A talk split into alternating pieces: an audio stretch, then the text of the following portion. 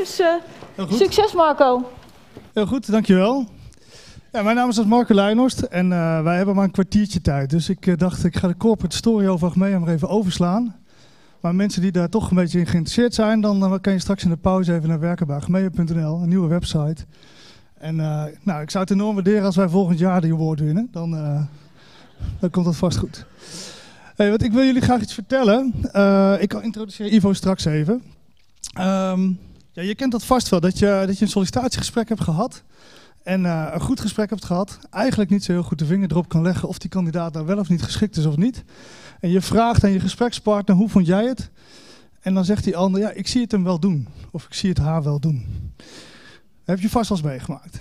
En dat is een zinnetje waar ik altijd een beetje kortsluiting van krijg. Ehm, en ik, ik moet bekennen, ik heb hem zelf ook wel eens uitgesproken. En ik, dus ik zal het morgen misschien weer doen. Maar ehm, eh, dat, is, dat is wel iets wat eigenlijk heel vreemd is. Ik heb zelf een HR-achtergrond en ik mocht een, eh, een tien jaar geleden meewerken aan een outsourcing. En ik vond het altijd heel ingewikkeld om te kwantificeren wat is nou precies de impact van HR. Wat is de waarde van HR, wat doet het? En in die outsourcing wisten mensen ineens prijsjes te plakken, bedragen te plakken op mensen, op vacatures. Alles werd ineens heel concreet. En dat vond ik heel bijzonder. En ineens realiseerde ik me eigenlijk, iedereen roept wel dat HR heel veel impact heeft, maar ineens was, stond het op papier. Twee jaar later mocht ik uh, toetreden in de wondere wereld van recruitment. En, uh, uh, en, en ja, gingen we vacatures invullen. Uh, en ik heb me er altijd ontzettend over verbaasd hoe die recruiters dat toch altijd deden. Dat ze altijd precies wisten wie de beste kandidaat was en hoe het dan zat. En um, het lukte mij niet. En hoe zit dat nou? Wat, waar zit nou voorspellende waarde in? En uh, hoe, hoe bouw je die voorspellende waarde nou eigenlijk op? Hoe weet je nou zeker dat een kandidaat goed is? En het gekke heb ik altijd gevonden als je een nieuw systeem... We hebben net toevallig bij Achmea een nieuw systeem geïmplementeerd. De financiële waarde van het systeem is echt niet zo uh, groot... als je dat vergelijkt met, het, met een factuur, of de financiële waarde van de facturen. Dat loopt echt al gauw in de tonnen, soms wel miljoenen. Uh, hoe kan het dat als ik een nieuw systeem wil implementeren bij Achmea... ik allerlei business cases moet maken... dat ik allerlei mooie uh, formulieren moet invullen... met business controllers in gesprek enzovoorts. Toestemmen, we moeten zeker weten dat de investering goed komt... echt past en, en echt waarde gaat toevoegen. Maar een vacature kan ik zo invullen. Nou, nou pleit ik er niet voor dat als we een vacature moeten invullen... we ook al die business cases moeten gaan maken en zo. Maar het is wel goed om eens te gaan kijken van... hoe kunnen we nou die voorspellende waarde vergroten. En dat was een heel mooi onderdeel binnen Achmea. Het callcenter van Achmea, vast wel bekend van Eva Apeldoorn bellen. Daar hadden we ook wel een probleem. Uh, bij dat callcenter was het zo dat veel mensen... Het, het, verloop was heel groot. Veel mensen vertrokken al heel vroeg. En zelfs zo erg dat het tijdens de opleidingsfase vaak al misging. Dat echt een substantieel deel van de mensen die we hadden aangenomen... waarvan we dachten dat ze goed zouden passen... dat ze het werk leuk zouden vinden, dat ze goed bij ons zouden passen en wij goed bij hen... Dat die tijdens de opleidingsfase eigenlijk al of niet goed genoeg bleken te zijn, of zelf dachten, nou dit werk valt me eigenlijk hartstikke tegen, hier heb ik helemaal geen zin in. Um, hadden zich niet zo goed gerealiseerd dat sommige klanten ook kunnen klagen of boos kunnen worden of wat dan ook. Hè. Dus het is, daar hadden we blijkbaar iets te doen. Dus toen zijn we op zoek gegaan naar hoe kunnen we nou ervoor zorgen dat kandidaten nou, een beter beeld krijgen bij Achmea, beter bij ons passen. Maar hoe kunnen wij dan ook voor zorgen dat de voorspellende waarde van die selectie vergroot wordt? Waar zit dat nou in? Uh, en toen zijn we samenwerken met Harvard gestart. Zo'n zo drie jaar geleden. Ik weet niet of iedereen kent iemand Harvard niet. Harvard is een, is een assessment tool, een online assessment tool. Uh, een beetje gegamificeerd. Er zit, uh, je, kan, je kan jezelf als werkgever goed presenteren met video, met tests, situational judgments test. Ik krijg uiteindelijk een keer goed mijn, mijn mond uit. Um, er zit, daar zit er gewoon volgens mij heel veel, heel veel ruimte voor content. Waarmee we een goede, goede indruk aan een kandidaat kunnen geven over wat hij bij ons kan verwachten. Tegelijkertijd genereren, genereren wij met die, met die tool heel veel data over de kandidaat. En die data kan ons weer helpen om een goed besluit te nemen. Goed te kijken of die, of die ja, medewerker goed bij ons past. Nou, bij Achmea ben ik gezegend met een uh, fantastische afdeling uh, uh, HR Metrics en Analytics. Is een afdeling waarin, uh, nou ja, waarin uh, echt een hele goede data-analysten zitten. En de leidinggevende van die afdeling is Ivo. En samen met Ivo, met de business, samen met Harvard en recruitment hebben we denk ik een mooie case gedraaid. Om iets te gaan, beter te gaan leren begrijpen hoe, hoe die voorspellende waarde nou wordt opgebouwd. Dus we hebben niet de antwoorden, maar we zijn wel steeds beter gaan begrijpen. En we zijn ook steeds beter gaan snappen hoe we dat, moeten, nou, hoe we dat leerproces met elkaar aan moeten gaan. En Ivo kan daar veel beter over vertellen dan ik. Dus ik heb Ivo gevraagd of hij dat wil doen. Yes. Ja, dankjewel eh, Marco. Mijn naam is Ivo, uh, collega van Marco bij het team van HR Metrics en Analytics.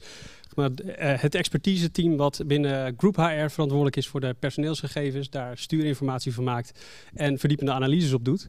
Nou, dit is een van de analyses uh, die, waarvoor wij gevraagd werden. En nou, Marco had dus de behoefte, kunnen wij beter begrijpen wat de voorspellende factoren zijn om goed in te kunnen schatten hoe hoog de kans is dat iemand nou goed bij ons past, goed bij ons kan presteren. Hij zei, Ivo, help me, ik zie het jou wel doen. Nou, dan help ik natuurlijk graag. Uh, en de manier waarop recruitment in eerste instantie werkte, uh, was zeg maar de scores die wij krijgen vanuit Harvard.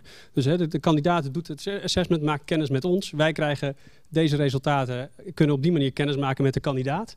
Uh, scores op verschillende competenties, vaardigheden. Um, en wat de afdeling recruitment dan doet in de eerste fase van de selectie is we vergelijken dan de scores van de kandidaat met de benchmark van de populatie die daar nu zit. Dus ja, dan zie je dat er sommige scores hoger zijn, sommige scores zijn lager. Maar is dat dan erg? Naar welke scores moeten kijken? En als we dan afwijken, wat vind ik daar dan van? Dus de vraag die Marco stelde, uh, kun je ons helpen beter te leren kijken naar deze cijfers? Uh, kunnen we, en dan, hoe, hoe kijk je dan naar wat de beste match is? Nou, wij hebben in eerste instantie gezegd, laten we eerst eens kijken dan of we kunnen identificeren welke medewerkers nou goed presteren binnen die teams. En of er dan factoren zijn in dat assessment die wijzen op het feit dat iemand een verhoogde kans heeft om dat goed te doen. Dus dachten we vanuit onze expertise, dan gaan we een model maken waarin we kijken of we kunnen voorspellen hoe groot de kans is van een kandidaat op een goede performance. Afhankelijk van de scores die hij uit, uit de talent pitch haalt. Uh, dat betekent dus dat wij kijken naar welke factoren van die talent pitch zijn dan belangrijk en hoe belangrijk dan.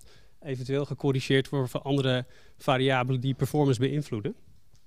En dit hebben we dus, zoals Marco heeft gezegd, gedaan met recruitment, met het team zelf. Uh, en dat is super waardevol om het in, in zo'n multidisciplinaire omgeving op te pakken. En het begint er met de vraag, wat is goede performance? Dus nog voordat we een model hebben, hebben we al een hele goede discussie en eigenlijk al impact. Want hoe meet je dan of iemand goed zijn werk doet? Wat vinden we dan goed?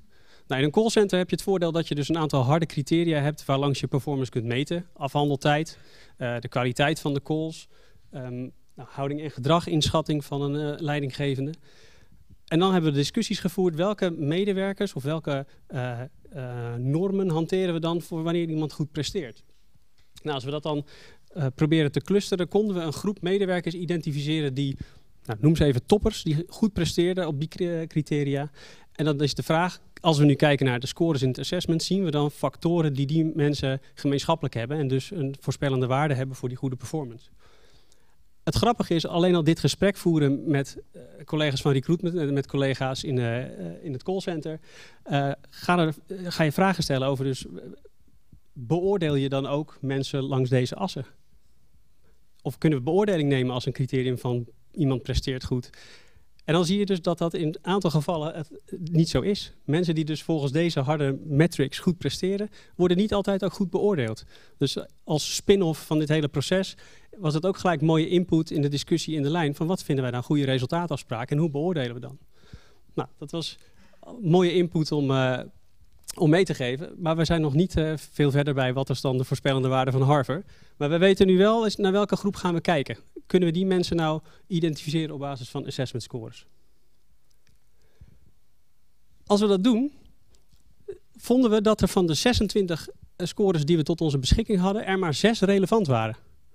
Dus dat helpt ons dan al om te kijken naar welke van die 26 moeten we nou eens even goed onder de loep nemen. En ze vertellen ons ook nog eens hoe relevant. Dus eigenlijk, het model deed het best wel goed. Als ik kijk naar de performance, van kan ik dan voorspellen of iemand een topper wordt. Maar een goed model wil niet zeggen dat het model ook goed is. Want als we hier naar kijken, wat ons dan opvalt, is dat we zien dat een aantal factoren positief bijdragen aan performance. Dat wil zeggen, als ik beter score in het assessment, dan is de kans ook groter dat ik een topper word, of topper ben. Uh, en een aantal factoren, daar werkt het juist andersom. Bijvoorbeeld luisteren. Hoe slechter ik luister, in het assessment, hoe hoger de kans dat ik een topper ben. Ja, dan ga je achter je oren krabben, want dat kan je niet goed uitleggen. Dit is toch niet het, dit is toch niet het callcenter wat we hebben, wat we willen zijn. En dat zijn we ook niet. Want een van de factoren die we dus nog niet hebben mee kunnen nemen, was de input van de klant. De criteria voor de topper is cruciaal voor wat je aan de achterkant als factoren eruit krijgt die voorspellende waarde hebben voor die toppers. Uh, wat er nog niet in zat was de NPS, de Net Promoter Score, of de, oftewel de klantfeedback die we vanuit het callcenter uh, kunnen meten. Konden we niet meenemen, omdat dat niet geregistreerd werd op het niveau dat we dat in de analyse mee konden nemen. En ja, dan, we gaan toch ook niet alles registreren, want we blijven bezig. Maar ja, als je dit goed wilt doen, heb je dus wel dat inzicht nodig. En dat betekende dus ook dat uh, de lijn in één keer bedacht, ja, als wij goed willen sturen op performance, als wij goed willen een beeld willen hebben wie onze toppers zijn, daar goede afspraken over kunnen maken en ook eventueel goed kunnen coachen op ontwikkeling, dan hebben we die inzichten wel nodig. En dat betekent dus dat we ze moeten registreren. Dus een aantal hele nuttige inzichten along the way, maar we hebben nog steeds geen uh, proces wat werkt in die zin. Maar dat maakt niet uit, we gaan gewoon opnieuw beginnen. We nemen namelijk uh, de nieuwe criteria mee. Wat zijn dan zeg maar, de nieuwe toppers, als we ook het klantperspectief meenemen, dat zijn we misschien wel hele andere medewerkers. Dan moeten we opnieuw gaan kijken van die medewerkers. Hoe zien dan hun scores in het assessment eruit? En wat betekent dat dan voor de voorspellende waarde voor mensen die op, op dat vlak uh, zich uh, zeg maar goed presteren volgens die definitie? Uh, dus die analyses, die, dat is een ongoing proces. We gaan net zo lang door, we blijven net zo lang leren totdat we beter, steeds beter begrijpen welke factoren nou op een positieve manier uh, bijdragen aan de prestaties van de medewerker die we naderhand uh, aannemen. En de lessons learned die we hadden uh, along the way, is dat je moet het niet alleen doen, het analyseren. De gesprekken juist met de business, het, de eyes open om met op, op de data-gedreven manier naar performance te kijken en naar een assessment, levert al hele mooie en waardevolle discussies op andere discussies rondom eh, beoordeling, andere discussies rondom wat vinden wij nou goede medewerkers. Um, er wordt dus ook uh, goed of nieuwe data geregistreerd waarvan tevoren nooit gedacht was dat er behoefte aan was. Maar klaarblijkelijk hebben we daar wel, hebben dat wel nodig om goed te kunnen snappen welke medewerkers we het liefst aan, onze, aan ons binden. dus het heeft wel impact voordat het af is. Dus het is een, een mooie reis geweest. Het is nog steeds een mooie reis. We zijn niet uitgeleerd. We blijven leren. En uh, deze lessons learned wilden jullie meegeven. Dank jullie wel.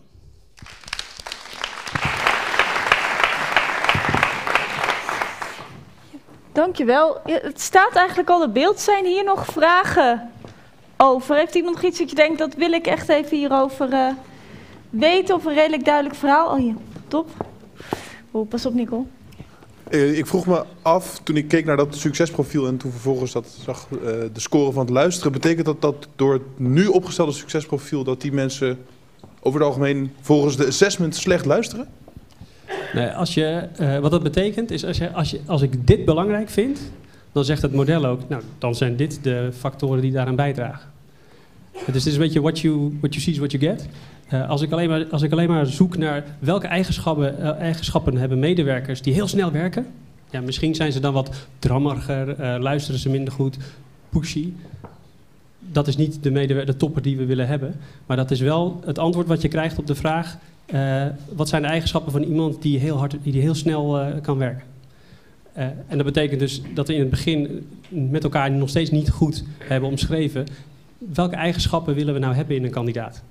En op het moment dat je die wel beter kan definiëren, kan je ook beter identificeren wie daaraan voldoen. En vind je daarna ook andere competenties die dat beter uh, voorspellen. Oké, okay, duidelijk. Ja. Mooi. Dankjewel. Wat fijn.